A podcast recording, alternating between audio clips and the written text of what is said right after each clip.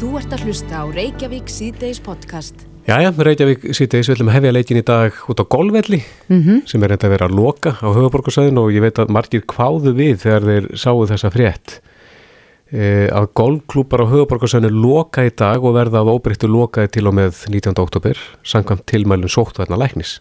Já, Ég, ég veit að sögum við spurðu hvað næst fjallgöngur á að, á að hérna, hvetja fólk til að fara ekki í fjallgöngur. Já, þetta er auðvitað sko útivera og þetta er ekki þetta er undir berum himni og, og fólk ferðast nú ekki mjög stórum hópum. Nei, og maður Oftast. sér ekki fyrir sér marga sko sameigilega snertifleti á golfvellinum. Nei. Fólk er bara með sína kilfur og sína kúlur og, og svo eru menn hættir að taka þessar stángir upp og það er löngu komið en, en uh, á línunni er Haukur Örn Birgisson, fórseti golfsambands Íslands, kom til sæl. Sælverði. Já, hver eru rökin fyrir því að, að hvetja fólk til að fara ekki í golf? Já, nú er ég kannski ekki rétti maðurinn til þess að spurja því hver rökin að baki því séu því að þetta er ekki okkar ákvörðun heldur uh, sérstök tilmæli eða fyrirmæli frá sóttvarnar yfirvöldum. Já, en, enga stýringar á því? Jó, ég, sko, auðvitað tilmælinn lúta því bara íþrótta yfkun á höfuborgarsæðinu bara leggist niður, punktur. Við vitum það auðvitað að hægt er að leika golf og virða sóttvarnir á sama tíma og við höfum gert það í vor og í allt sumar og, og eins og þið nefnduð í ingangnum að þessu viðtali þá hefur það gengið bara mjög vel. En, uh, en þetta eru fyrirmælin og, og við spurðum alveg sérstaklega út í það í tilefni af þessum fyrirmælum hvort að þetta myndi líka taka til golfviðkunar í ljósi þess að við fengum sérstaklega undan þáu í april til þess að mega leika golf á sama tíma og aðrar íþróttir voru bannaðar eða lágu niðri og við fengum þau svör, mjög skýr svör um að þetta tæki til golfviðkunar og að allir golfvellir á höfuborgarsæðinu fyrstu að loka. Það er auðvitað rosalega óheppilegt og hundleðilegt en, en hérna við auðvitað fylgjum þeim tilmælum sem okkur eru gefin af yfirvöldum. Mm Nú hafa einhverjir golfvellir svona í nágrana sveitarfélögum tekið á það ráða að banna gesti. Ertu heldur að, að, að kilvingar í Reykjavík muni flikkast í önnu sveitarfélög til þess að spila golf síðustu dagana á tímbilinu? Nei, sko, eins og, eins og ég sagði, sko, þetta er auðvitað mjög leðilegt og óöfnilegt og ég veit að það eru mjög margir eh, reyðir yfir þessu að geta ekki klára golftímabilið með því að spila núna þess að síðustu daga sem eftir eru á tímabilinu. En fyrirmælinn frá yfirvöldum eru þannig að íbúar á höfuðborgarsvæðinu eigi ekki að vera á ferðinni til eða frá höfuborgarsvæðinu meira en nöðsinn krefur. Þannig í því felstu þetta mjög skýr tilmæli til höfuborgarbúa að vera ekki að fara út fyrir höfuborgarsvæðið í því skynið að leika golf. Nei, við veitum það til Við, dæmis við að... beinum því bara til okkar, okkar félagsmanna þá líka að virða þau hérna, tilmæli og hafa skilning á þessu. Einmitt, við veitum það að uh, golfklúpurinn á Selfossi er búin að loka fyrir alla umferð gesta þar, þannig að þar mega bara þeir sem eru skráður í klúpin leika golf og vantarlega verða hjá öðrum félögum, svona hringin í kringum höfuborgarsvæðið.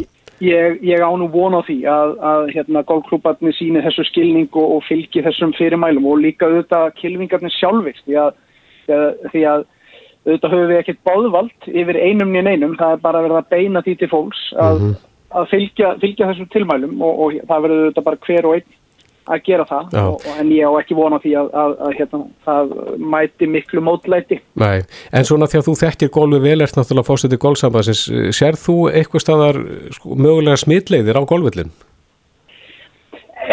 Eh, Nei, sko við höfum fyllt mjög góðum reglum í allt sumar uh, með því að takmarka alla þessa sammeilegu snertifliti og ég er alveg samfarið um það að hægt er að leika golf án þess að smi, mikil smithætta sér til stað, bara alveg svo að stunda aðra útifir eins og gönguferðir eða fara út að hjóla eða hlaupa.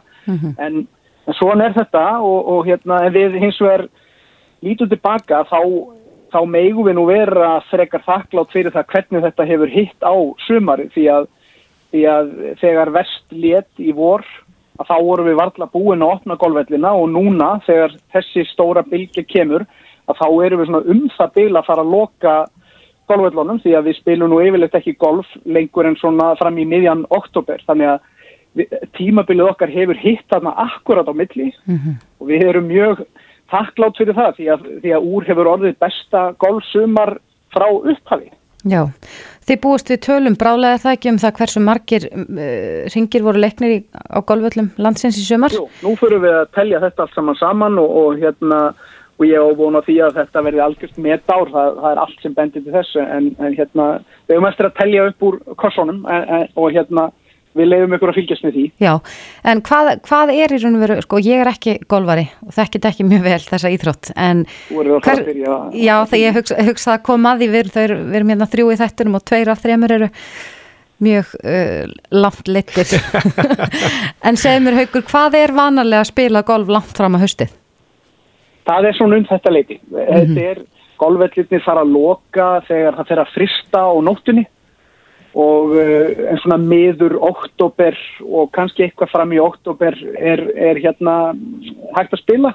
En svo fer náttúrulega bara veður að setja strik í reikningin og næturfrost þannig að þetta er svona að fara að vera búið hjá okkur. Er ekki komið tíma á innan hús golfvelli?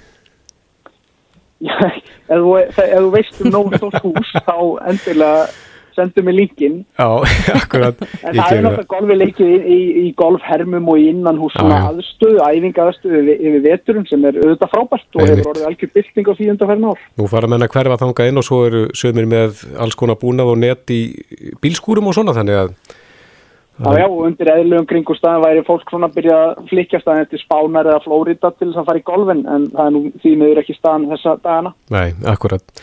Haukur Örd Birgisson, fórseti golfsambands Íslands, kæra þakki fyrir þetta. Já, takk svo með leiðis. Bless, bless. Bless. Þú ert að hlusta á Reykjavík C-Days podcast. Jæja, með Reykjavík síðdeis, við heyrðum í Kára Stefánsinum daginn og, og hann stefnir á, á samt sínu fólki, að hefja rannsókn á þeim sem að hafa greinst með COVID til að kanna áhrif, kannski langtíma áhrif. Já, þetta fór af stað bara núna í vikun held ég og ég held að, að Íslensk erðagreining stefni að því að, að eh, tak, gera þetta, þessa rannsókn á öllum sem hafa, öllum Íslendingum sem hafa fengið COVID-19. Einmitt. En á línun er Hilma Hólm, hún er yfirmaður hjarta á æðarannsókna hjá Íslensk erðagreiningu og fer fyrir þessu verkefni. Kom til sæl. Sæl. Já, hvernig gengur? Þegar við töluðum við Kára núna fyrir vikunni þá var búið að bóða einhverja, einhvern hlut þeirra sem fengi að hafa COVID í rannsókn. Eru þið byrjuð að, að framkvæma? Já, við byrjum uh, um meðvíða síðustu viku og höfum verið að sjá svona tíu manns á dag í rannsóknir. Hvernig tekur fólk í það að mæta? Það tekur bara mjög vel í það og er, og er mjög þólumátt við okkur. Við erum svona að fara að staða með þetta og vitum ekki alveg kannski á hverju við erum von. Mm -hmm. Þetta hefur bara gengið mjög vel.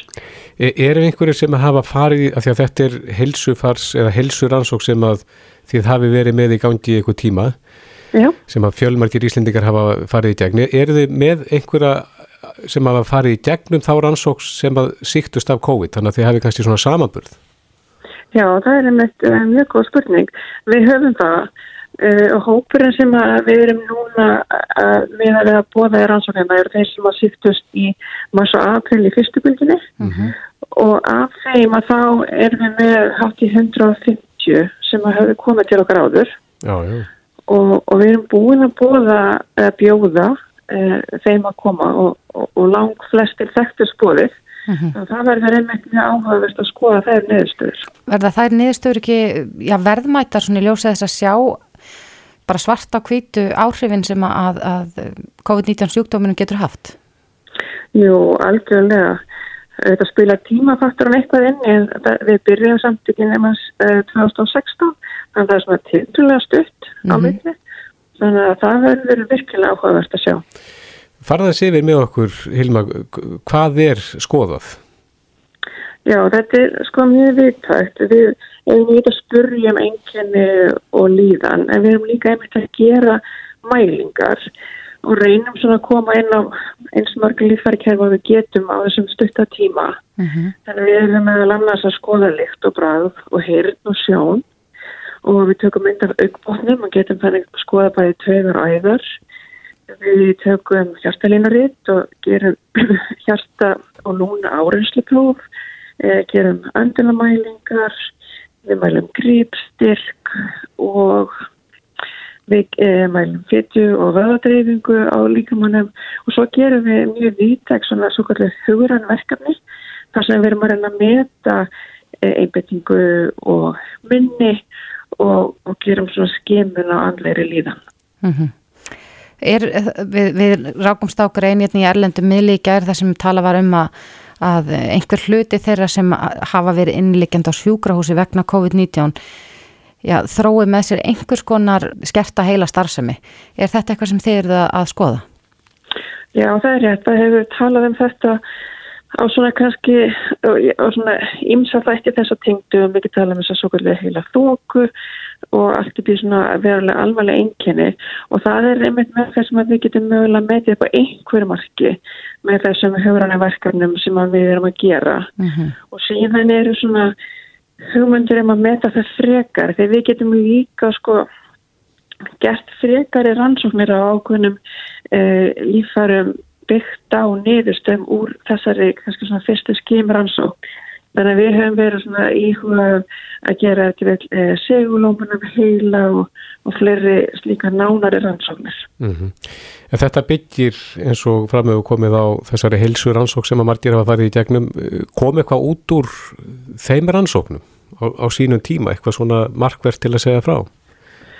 Já, það hefur heilmikið komið út í þeirri rannsókn og, og við vorum mjög heppin þar, við fengum mjög góð þáttöku og, og, vorum með henni í gangi alveg þánga til að vera COVID bara loka henni í sumar mm -hmm. og þá höfðu 14.000 manns uh, komið til okkar og við, náttúrulega okkar sem er kannski helst rannsóknar efni er, er, er erðafræðin Þannig að við hefum e, fundið þar erðabreytileika sem hafa áhrif á aukstásemi, á hyrn, á töfustársemi. Við hefum getað skoða sjálfgefa erðabreytileika sem hafa áhrif á e, ónæmistársemi, e, á lykt mm -hmm. og mjög margt fleira.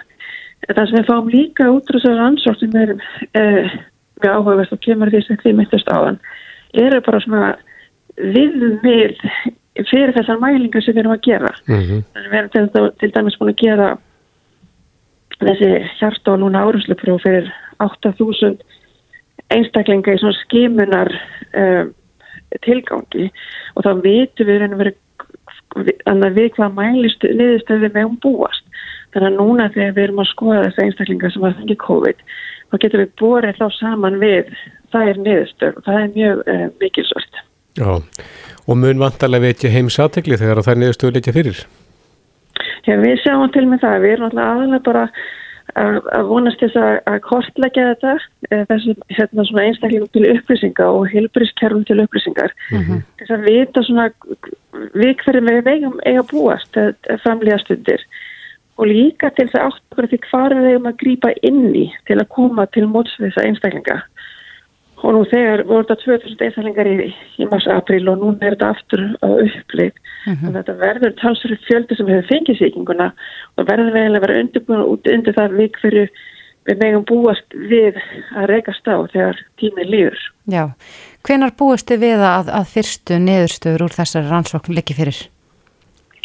Sko, við höfum hugsað okkur að taka saman niðurstöður eftir 100 þáttakandur. Mm -hmm. Það er auðvitað ekki mjög margir en það getur kannski gefið okkur svona einhverjar hugmyndir og við ættum vera búin að fá þann fjölda eh, meðan næstu viku og svo tekur eitthvað tíma að vinna úr þeim niðurstöðum. Já, þetta er hljóma spennandi. Hilma Hólm, yfir maður hjart og æðaransóknar hjá Íslenskri erðagreiningu. Kæra þakki fyrir þetta og gangi ykkur vel. Já, takk fyrir það, Kjalla. Bless, bless. Bless. Hlustaðu hvena sem er á Reykjavík C-Days podcast. Hér fyrir sumar þá rættu við eh, um þetta hræðilega slið sem varð á Kjalarnesi Já. þar sem að, að eh, tveir einstaklingar letust í, í sliðsi þegar að bifhjól og uh, bifreið mhm. skullu mm, saman. Einmitt, þetta voru hjón sem að letust. Já. Og um, það var náttúrulega, þetta var mikið gaggrínt á sínu tíma þar sem að, að vega kaplinn, þar sem að sliðsi varð, var talinn vera of hál, var, mm -hmm. var nýlagt malbygg.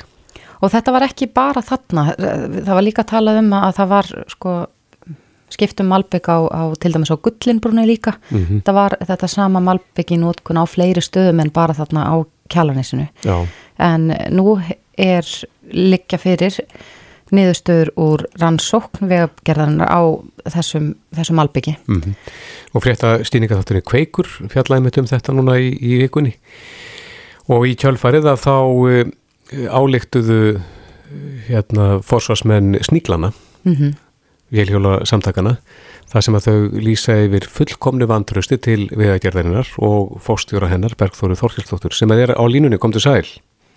Já, komið sæl. Já, það er, það er líst yfir vantrösti á, á þína stofnun og, og þig sjálfa. Hvernig, svona til að byrja með hvernig, hvernig leggst það í þig? Nú, það leggst náttúrulega ekki vel í mig sjálf Nei. Er þetta, ah, nei. Okkur finnst það náttúrulega mjög leitt og, og hérna höfum lagt áslá það að vinna með allum okkar vegfærandahópum. Mm -hmm. Þannig að, að það, við hörnum það. En Bergþór, nú hefur komið í, í ljósa að, að þetta malbygg, umrætta malbygg hafi ekki staðist kröfur. Uh, hafi verið gerðar eitthvað breytingar á ykkar verklægi til þess að forðast í að svona laga geti gerst aftur? Fyrsta lagi þá náttúrulega verðum við að taka fram að þetta Malbygg stóðst ekki þær kröfur sem við settum í útbóðinu. Þannig að, að við erum að horfa á það að við fengum aðvenda vöru sem að stóðst ekki kröfur og við erum, hefum bröðist við því á frennanhátt. Fyrsta lagi náttúrulega bara taka utanum þennan stað þar sem að slísi varð og gera við andir ástafins þar bara um leið og, og hérna við áttuðum okkur á því. Mm -hmm. og síðan fóru við í það að endur skoða alla þá parsta sem voru hluti af þessu útbóði þetta útbóð var tók yfir fimm e, bita, það getur morðað þannig.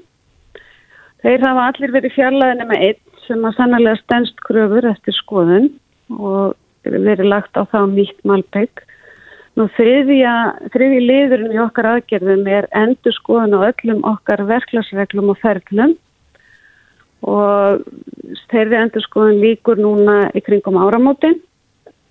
Og hérna e, markmiði með þeirri endur skoðun er náttúrulega að sjá hvað getur við gert betur. Mm -hmm. og hvernig getur við þá fyllt uh, þeim verktökum sem vinna fyrir okkur betur eftir, hvernig getur við veitt uh, betri upplýsingar og meiri stuðning og meira eftirlit Já, það segir hérna fyrir ekki. Bergþóra Það segir hérna í þessar álöktun sníklan að, að fleiri slís hefði orðið á ringtorkum í borginni sem að ítrekk hefði verið kvartað undan. Og uh, það segir að hálkustilti hefði verið sett upp við flesti vitt öll þessi ringtork í tilhörun til að losa vegætjarinn undan ábyrð í stað þess að malbyggu upp á nýtt með réttum hætti. Er eitthvað til í þessu? Sko, það er svo verklagsregla að setja upp hálkuskilti þar sem að menn hafa ágjur að því að hálkskilti myndast í, reyningu til dæmis. Mm -hmm.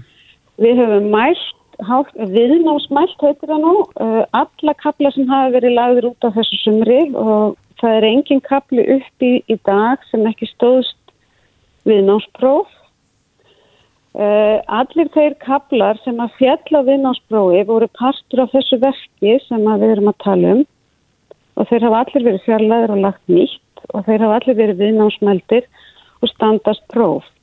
Uh -huh. En það breytir ekki því að þó að kapli standist viðnámspróf og það getur hann alveg upp, getur upplifun verið svo að hann sé hátla og það sérstaklega er ykkur og við vitum alveg að nýtt malbygg er hátla heldur en gammalt malbygg og það er erfitt að gera við því. Þannig að, að hérna, þetta hafi verið okkar viðbröð. Mm -hmm. Það hefur líka borið á því og verið kvarta undan því að uh, þessum tilurunum er verið epiólíu til dæmis? Það er engin epiólíu í okkar málbyggi. Nei, en, en er nýhægt að nota það eða?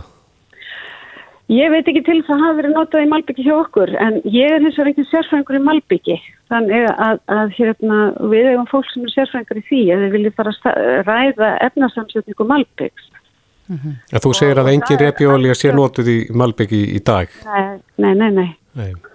Það er eh, Malbyggið sem að upp, eða sem við segja kröfuna til Malbyggsins sem er lagt út það er stiðjast við bara euróska staðla og, og hérna það er bara, hvað ég segja, það er svona í nútímanum að þá er, er menn að vinna með alltaf gæðakerfi og allt svo leiðis og þannig að við gerum almennar kröfur, við viljum fá efni sem að uppfylli tiltekna kröfur og, og áþarlend að hafa tiltekna eiginleika og, og, og hérna, geta staðist bæði álagspróf og örgspróf mm -hmm.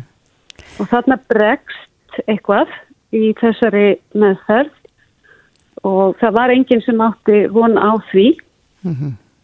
en, en það gerðist og það er hörmulegt og við erum að reyna að bregast til því eins vel og við getum. En Bergþóra, verði einhverjir eftirmálar af, af þessu gagvart sko verktökunum eða eftirritsaðalum sem að þeir telja hafa bröðist í málinu? Við erum í sjálfsög ekkert farin að taka afstöð til þess. Við erum fyrst og fremst að vinna að málinu þessi skísla sem við gáðum út er áfangaskísla, það er ekki öll síni komin.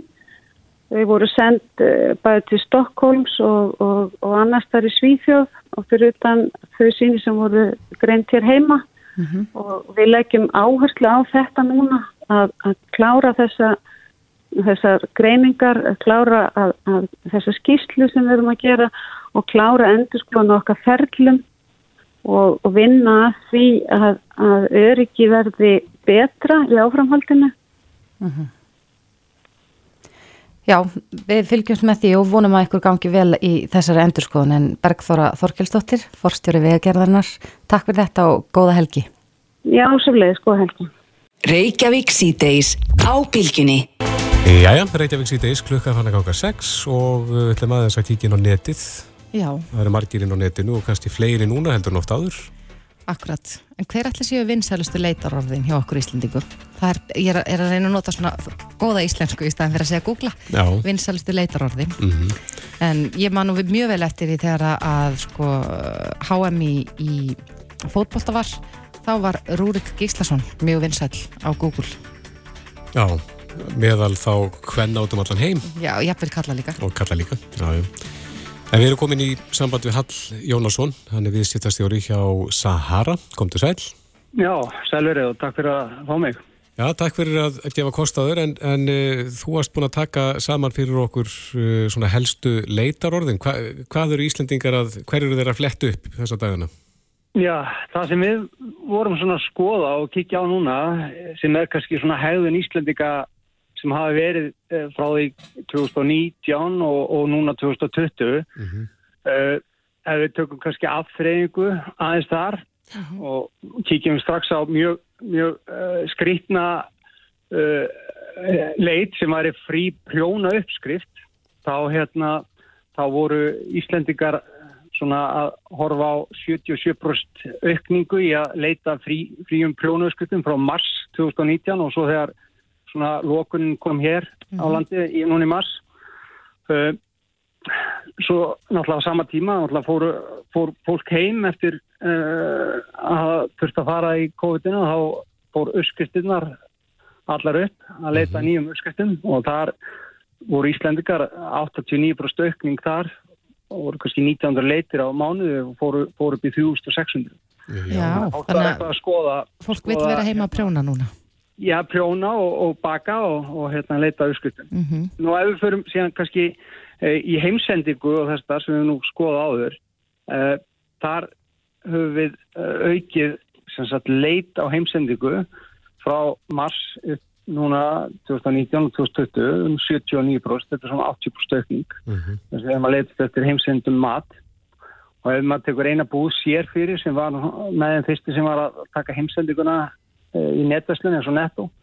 Nú erum kannski 140 leitir á mánuð eftir netverslun netto en hún stökku upp í 600 leitir bara á milli þessa, þessar mánuða mill ára. Já.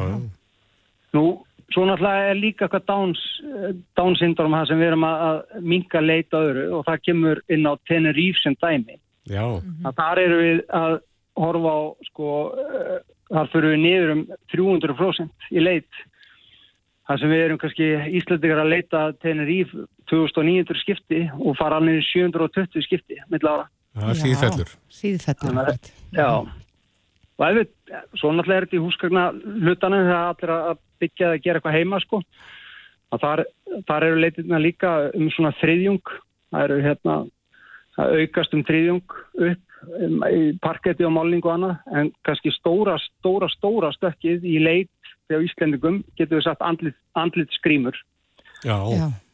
Þarna erum við að tala um aukningu um 15.900 eða 15.900% Á hvaða tíma gerist það? Er, það núna í þriðju bylgjunni eða var það komið töluvert áður? Nei, töluvert áður. Það er sem sagt, ef við tökum bara, um, þetta er mars, nei, april, april og, nei, mars, mars, mars 2019, 2020, þar mm. fyrir við úr tíu leitum á mánuði upp í, upp í á, nei, 1600 leitir.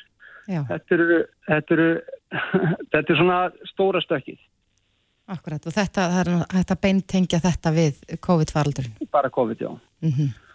En svo er það saman með fyrirtæki. Fyrirtæki eru náttúrulega að breyta hefðum sinni til að aðlast uh, þessu umhverfi og, og þar alveg fara til dæmis leitir hjá fyrirtækjum af streymi náttúrulega úr uh, 30 leitum við 210 leitir mm -hmm. sem er bara þokkala mikið fyrir, fyrir streymi og þar lendir bara breytt hegðun bæði hjá okkur íslendingum og bara hjá fyrirtæki sem er aðlaða sér.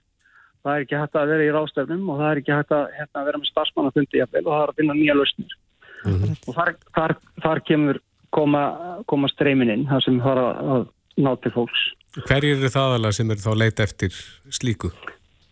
Já, fyrirtæki, það eru öll fyrirtæki, þetta eru stopnarnir og annað og hérna eins og bara þessar árlegu rástefnir hjá fyrirtækjum sem hafa verið, þá þarf að breyta þeim úr, úr því að vera með uh, kannski 2000 manna rástefnu og, og taka þetta á, á streymi. Sama með stór fyrirtæki, teknifyrirtæki annað sem eru, jáfnvel, er að eigða sko 20 miljóna til að fara á síningar erlendur svo hitta nú er þetta viðskiptaðinni. Mm -hmm. Það er ekki hægt og geta jáfnvel ekki tekið fundi erlendis, Nei. þá þurfum við að finna nýja lausnir og það, þá kemur að því að taka streymi og vera með loka að fundi og jáfnvel vera með sér síni kennslu og tækjum eða öðru sem er að breyta hlutunum alveg ótrúlega mikið og, og hérna fyrir þessi fyrirtæki en þau eru að ná ótrúlega árangri með því að gera þetta nú fælega. Já, en var eitthvað fleira sem þið rákuðu augun í sem að þið teljið að tengist beint uh, þessu ástandi sem ríkt hefur á, á árinu?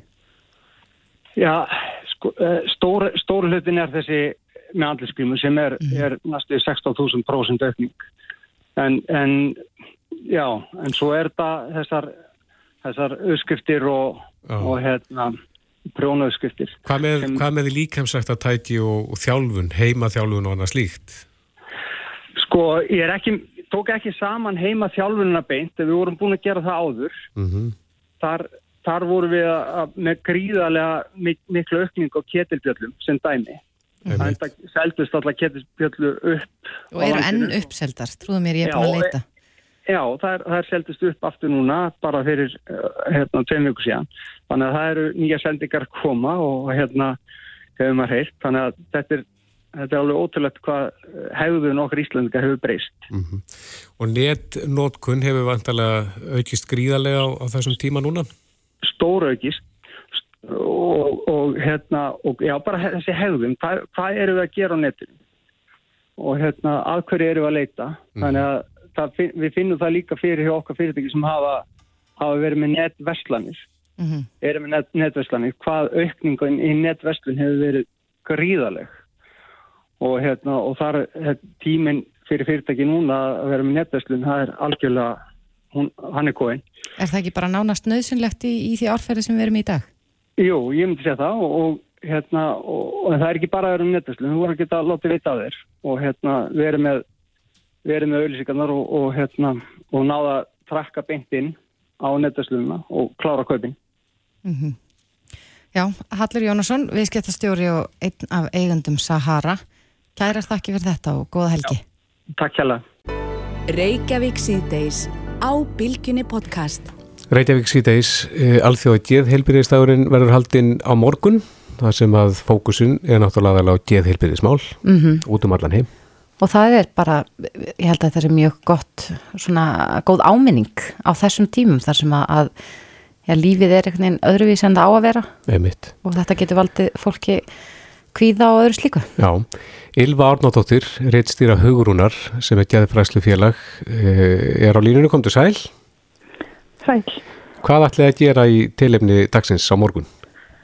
Eh, við verðum með rafröna dagsgrá sem byrja klukkan eitt við hérna, erum með myndband þar sem við erum rætt við hérna, ímsa hópa og úrræði bæði innan og utan hilbriðiskerfisins. Mm -hmm. En þemað í ár er sagt, aðgengi fyrir alla, eða geðhilbrið fyrir alla. Mm -hmm. Og hérna, já, við erum líka að sína hérna, að kynna úrræði sem að er ætti að nálgast án þess að vera undirlega með einhverja greiningu eða orðin mjög veikur, svona fyrirbyggjandi líka. Mm -hmm. En fókusin hjá ykkur segiru er á sko, aðgengi fyrir alla. Er að þínu mati aðgengi nógu gott hér á Íslandi að þjónustu fyrir þá sem að glýma við andleg veikindi og annað slíkt? Mér finnst það ekki vera. Það hérna, er alltaf fáið gæðalæknar til dæmis í Íslandi og langur listi og erfitt að komast af. Mm -hmm. um, en líka bara vandar inn í flórunna fjölbreyttari úrræði sem að geta það mætt fólki sem er á kannski mismundi stað. Það er hérna áðurinn að verða mjög veikt eða hérna, já. Mm -hmm. Já, og svo maður geta þess að, að geð hjálp á amal í dag. Já, það er, Já, það var stopnað þennan dag. En e, hvað er þetta nálgast nánar upplýsingar um daginn á morgun og dagskrana? inn á tíundeokt.com þessu tíuokt.com Já Þa, og við erum líka með síð á Facebook og hérna viðbjörð þar akkurat. Og verður streymt frá, frá þessu á netinu í ár út af samkomu takmörkunum? Já, og við í rauninni tókum þetta fyrirfram svo við gætum hérna verið sem fæst í einu á meðan mm. á tökumstof. Já. Gott, við hvetjum sem flesta til að kynna sér þetta inn á tíunduokt.com Ylva Árnádóttir, rittstýra Hugrúnar, Gjæðfræsli félags. Takk fyrir þetta. Já, takk fyrir. Bless, bless. bless. Reykjavík síðdeis á Bilginni podcast. Jæja, ríkistjórnin hefur samþygt uh, nýja umferð lókunastyrkja til fyrirtækja sem hafa þurft að stöðva starfsemi sína vegna sóttvarnarverkjara. Mm -hmm. En uh, það segir hér í frétt að vísi að hámarks upphæðstyrkjana verður hækkuð frá því vor og verður nú greitar alltaf 600.000 krónur með hverjum starfsmanni fyrir hvert mánuð lókunar. En uh, félag atvinnureikanda sendis Svandísi Svavastóttur og Bjarnabjöndis sinni fjármálur á þeirra erindi núni í vikunni þar sem að var kvart til þess að stjórnvöld greini þegar í stað frá því hvernig staði verða aðstof við fyrirtækin. En á línunni er Ólafur Steffensen, hann er framkvæmdastjóri félags atvinnureikenda, kom til sæl. Já, komið þess. Já, þú ert ekki búin að fá þetta skriflegt en svona með það sem sagt er í fréttum. Ertu sáttur? Já, þetta er mjög stort skrifið áttina og alveg nöðsynlegt að þetta komi fram svona snemma hefði í rauninni þetta koma fram aðeins fyrir á okkar mati bæði bara til að tryggja sko, skilvirkni sóttvarna aðgerðana allir séu tilbúinir að, að vera með í þeim að því að þeir átt að segja á því hvernig verður komað til mótsöða og líka bara til að tryggja svona fyrirsjáanleika í, í rekstri þessara fyrirtækja sem að þetta á viðum mm -hmm. þannig að já, þetta er hérna stórt skrifið áttina styrkirnir sem voru veittir í vor voru bæði bísna lágir og nýttust rauninni fyrst og fremst sko mjög litlum fyrirtækjum eða einirkjum Mm -hmm.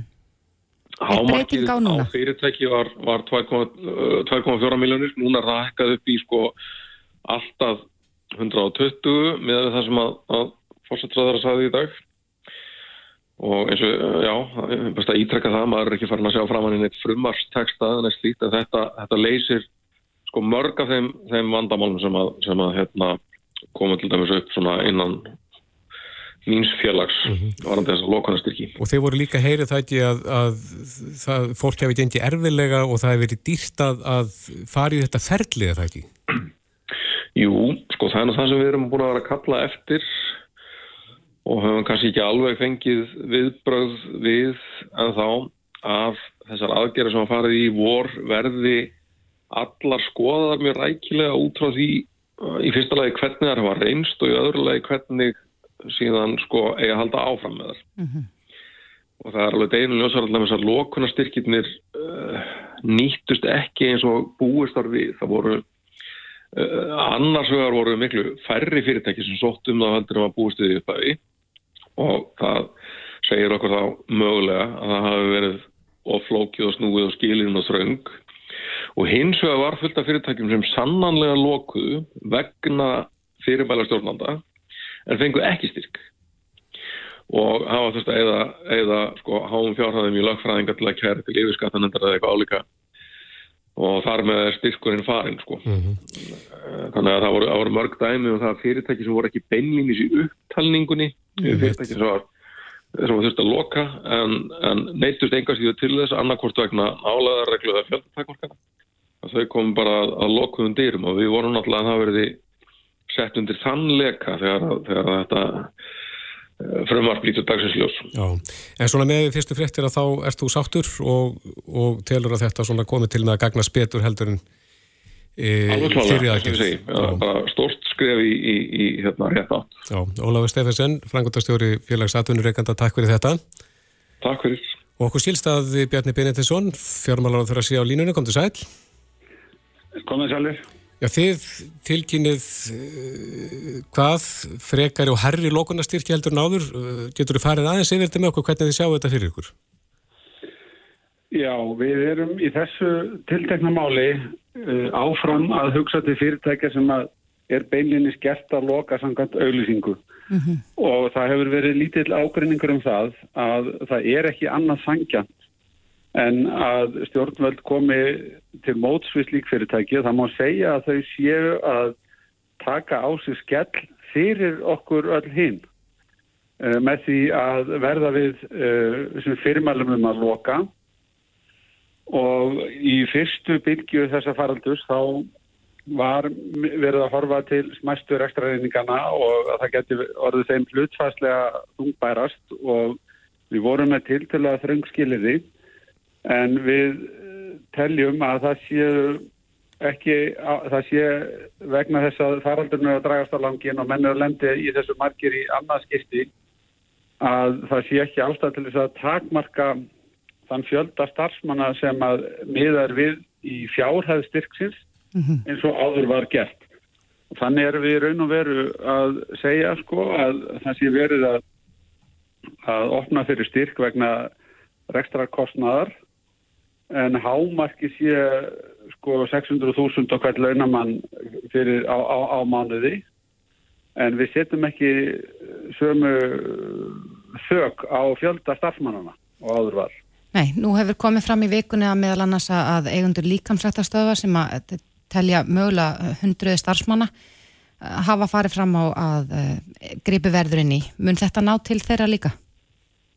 Já, að því gefna þeir uppfyllu önnur skilirði um uh, hérna, styrkin að þá gerir, gerir þetta það og ég held einmitt að það sé ágæti stæmi um uh, fyrirtæki þar sem að uh, hámark styrkfjáran sem áður var 3,6 miljónur hafi hérna, fallið ítla að, að, að starfseminni. Um, við náum þannig betur utan á fleiri en, en sko, þegar við vorum að vinna þetta frumvarpa þá reyndum við að átt okkur á því sko, hvað væri dæmigerður og hvaða spönn væri á starfsmannafjölda hjá þeim sem að fjallu undir auðlýsingu um lókun mm -hmm. og samkvæmt því sem að svo könnun sínd okkur þá er mjög litla líkur á það reyna okkur ytri mörk í þessu máli sko. Það er að segja að það, að það ætti enginn að vera reykast upp í þakki sko. Nei, en við heyrðum hérna og þið heyrði kannski... og kannski annað verður þetta mál sem maður má bara minnast á að við erum, við erum bara að setja þetta mál sem ótímabundið semst, eh, ekki bara vegna auglýsingarina sem að núna kom síðast heldur erum við bara að láta þetta úrraði lifa alveg fram á mitt næsta ár mm -hmm. og ef að það kemur til þess á tímabilinu fram að miðjur næsta ári að það þurfa að loka þá er þetta úrraði þetta til staðar og menn vita að hverju þeir ganga. Þetta er sem frumar sem við rættum í Ríkisvöndin í morgun og, og er gengið til þingflokkana og vonandi verður lagt fyrir þingi í næstu viku.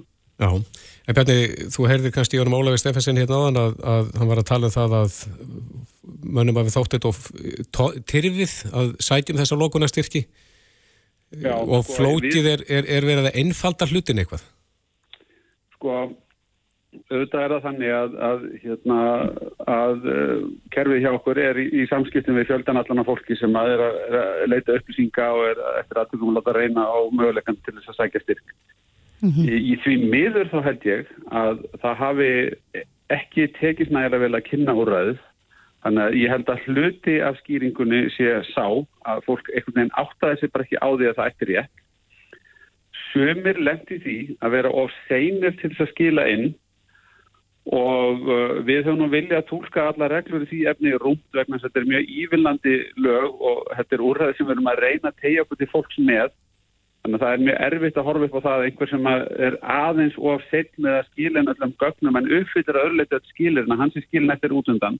Og við nikkjum á þessu í þessu nýja frumarfi, við tökum af skarið með það að þeir sem að öðru leiti uppfylla öll skilirði en er eitthvað á seinir að koma þeim frá sér gögnunum til skattsins að, að skatturinn geti fallist á slíka beinu þannig að það sópar þá upp málum þeirra sem að mögulega náðu ekki að vinna gögnin til uh, skattsins uh, innan tímamarka. Mm -hmm.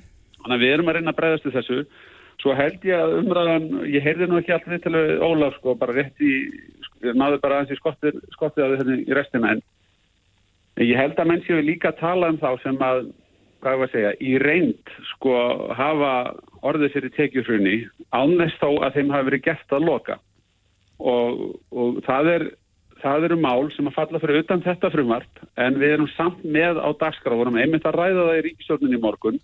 Það er mjög breytt svið starfsemi í landinu sem að uh, fellur þar undir, það geta verið allt frá leiðsugumannum yfir í sviðslistir og hinga og þangaðan samfélagi þar sem að menn hafa reynilega vegna COVID-faratusins orði fyrir tekju hruni Mm -hmm. og við höfum bóðað það að við ætlum að fara í beinan stuðning við slíka aðila, auðvitað með einhverjum skilirum og, hérna, og þar með að fylla upp í þá hólu sem að mér fannst hann vera að tala um áðan þegar hann talaði um þá sem að hefðu orðið fyrir áfallið þó ekki sagt, verið beinlinni skert skildaloka en þeir hefði reynd þurft að loka. Mm En Bjarni, rétt í lokin ef að sóttvartan aðgerið verða hertar hér á landi og fleiri fyrirtækjum eða öðruvísi rekstri verður gert að loka, mun þetta þá ná yfir þá líka? Já, þetta er sem sagt hérna bara almennt frumvarp um alla þá sem að uh, fá yfir sig þá kvöð að þurfa að hérna, loka starfsefni sinni vegna sóttvarnar aðgerða uh, þá verður, verða þessi lög bara til staða til þess að grípa alla þá. Þetta er sem sagt hérna, frábriðið fyrir lagasetningunum sem að, hérna, við erum að, að, hvað við segja, fletta þessu saman við. Þar var verið að bara miða við tilteknar auðlýsingar og lögin voru vegna þeirra auðlýsinga. Mm -hmm. En þetta mál er meira bara allar auðlýsingar sem að gætu mögulega komið uh, til á uh, tímanum frá því að máli verið samþýtt þar til Nei, reyndar ekki frá því að það er samþýtt heldur frá þessari auðlýsingu sem að núna er í gildi uh, fram á mitt næsta ár. Það er, það er hérna nokkur annu skilir sem ég ætla ekki að fara út í hérna sem að sem að semst eiga að tryggja við náum utanum allan þennan hóp. Já, Bjarni Benediktsson, fjármálar á þeirra kæra þætti fyrir þetta og góða helgi.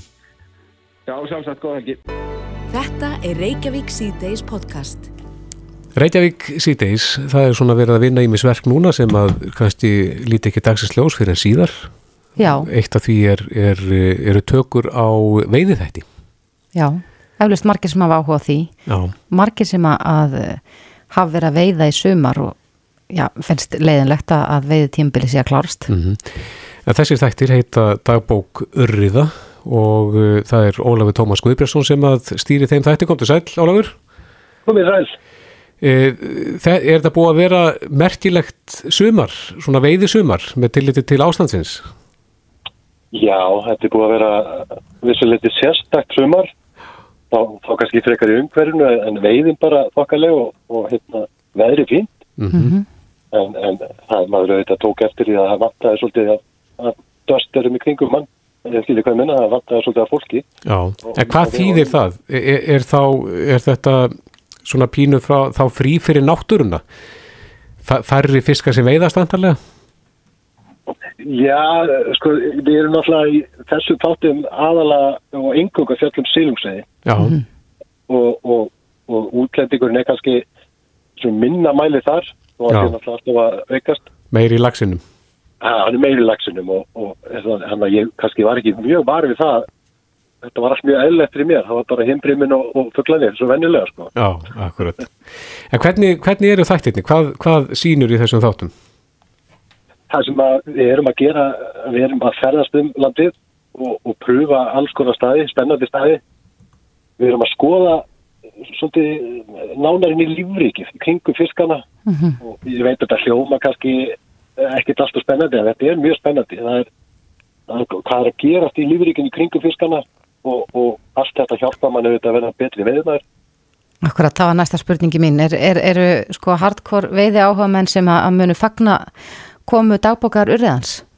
Já, ég, það eru ekki gefnar út allt og marga veiði seriður á Íslandi og það eru út allt að fagna refni þegar, þegar það er gert og ég held að við séum alveg hérna akkurat á miðjunni að bæði byrjandur og síðan hardcore veiðmenn það er jafn gaman af. Mm -hmm. Hvernig hefur veiði sumari verið? Svo samabori við önnur ár? Sko, árið fyrra var náttúrulega hræðilegt að það ringdi bara ekki neitt. Tóttinu allar árið upp og og, og þetta hefði áhrif bæð á lagsin og, og sílungin einhver leti mm -hmm. en ári í ár það veðri var fínt og vatni var fínt en lagsin skilaðist er ekki nógu vel það er eitthvað sem að menn eru núna svolítið að ræða og spekulur í hvað það sé að gerast Já, verður eitthvað kenningar þar? Það er alltaf eins að kenningar en, en í sjálf og sér er þetta ekki nýtt. Þetta er, ef maður skoðar aftur í tíman bara aftur til 1980 og 1981 það voru mjög lélega sumar líka, sumar líka og, og það er einhvern veginn sama umræðan þá og er í dag. Það var vantalagsin og hvað er hann og, og veiðilegi kostum mikið og, og allt og mikið útlýtingu þetta, þetta er nákvæmlega sama mm -hmm. síðan, síðan kemur gott sumar kannski næsta sumar og þannasta sumar þá gleymur Já en, en, en Ólafur, þú ert nú reyndur veiðimaður Hva, hvað þarf maður að gera til þess að byrja í þessu sporti? Er þetta ekki, þarf maður ekki að koma sér upp heilum helling af búnaðu og öðru slíku til þess að geta farið í selungsveið? Jú, það er, það er, er fín spurning. Það er, það er kannski það sem að svona tæktir muni hjálpa fólki sem vil byrja í þessu. Þetta er rosalega skemmtilegt sport og, og þetta er rauninni mjög umfalt að byrja í þessu. Fólk er fljótt að ná tökum á þessu og, og þetta er líka sport sem að gefa manni mögulega að vera mikið út í náttúrinu að gera það sem mann er skemmtilegast og maður er í raun og einhverjum öðrum háður veiði mm -hmm. þessu kostnaðin að koma sér græðum til dæmis í flugveiði er, er óverlugur maður þarf alls ekkert að fá móða fína og gömlu kloppstífilnas afa og, og, og einhver ótir flugustum komaður alveg jafn langt í byrjun og einhverja 300 skrónar græður mm -hmm. og ég, ég vona eins og ég segi svona þættir það er mikil sókt núna í veiðina. Það er mikil hérna það er mikið fjölkun, sérstaklega í segjumsveginni og, og hérna og þegar fólk horfið kannski á svona dæti þá hjálpar það við að skilja byrjunina. Já, eru konur ekki í, sko, í auknum mæli að, að byrja í þessu sporti eða hef, hafa konur alltaf tekið þátt í, í svona veiði? Já, það, það hafa alltaf tekið þátt í veiðinni og, og það eru til margar gríðala góðar veiðikonur sem hafa veitt í fjöldavergar og margar, margar okkur besti veiðmennum eru konur.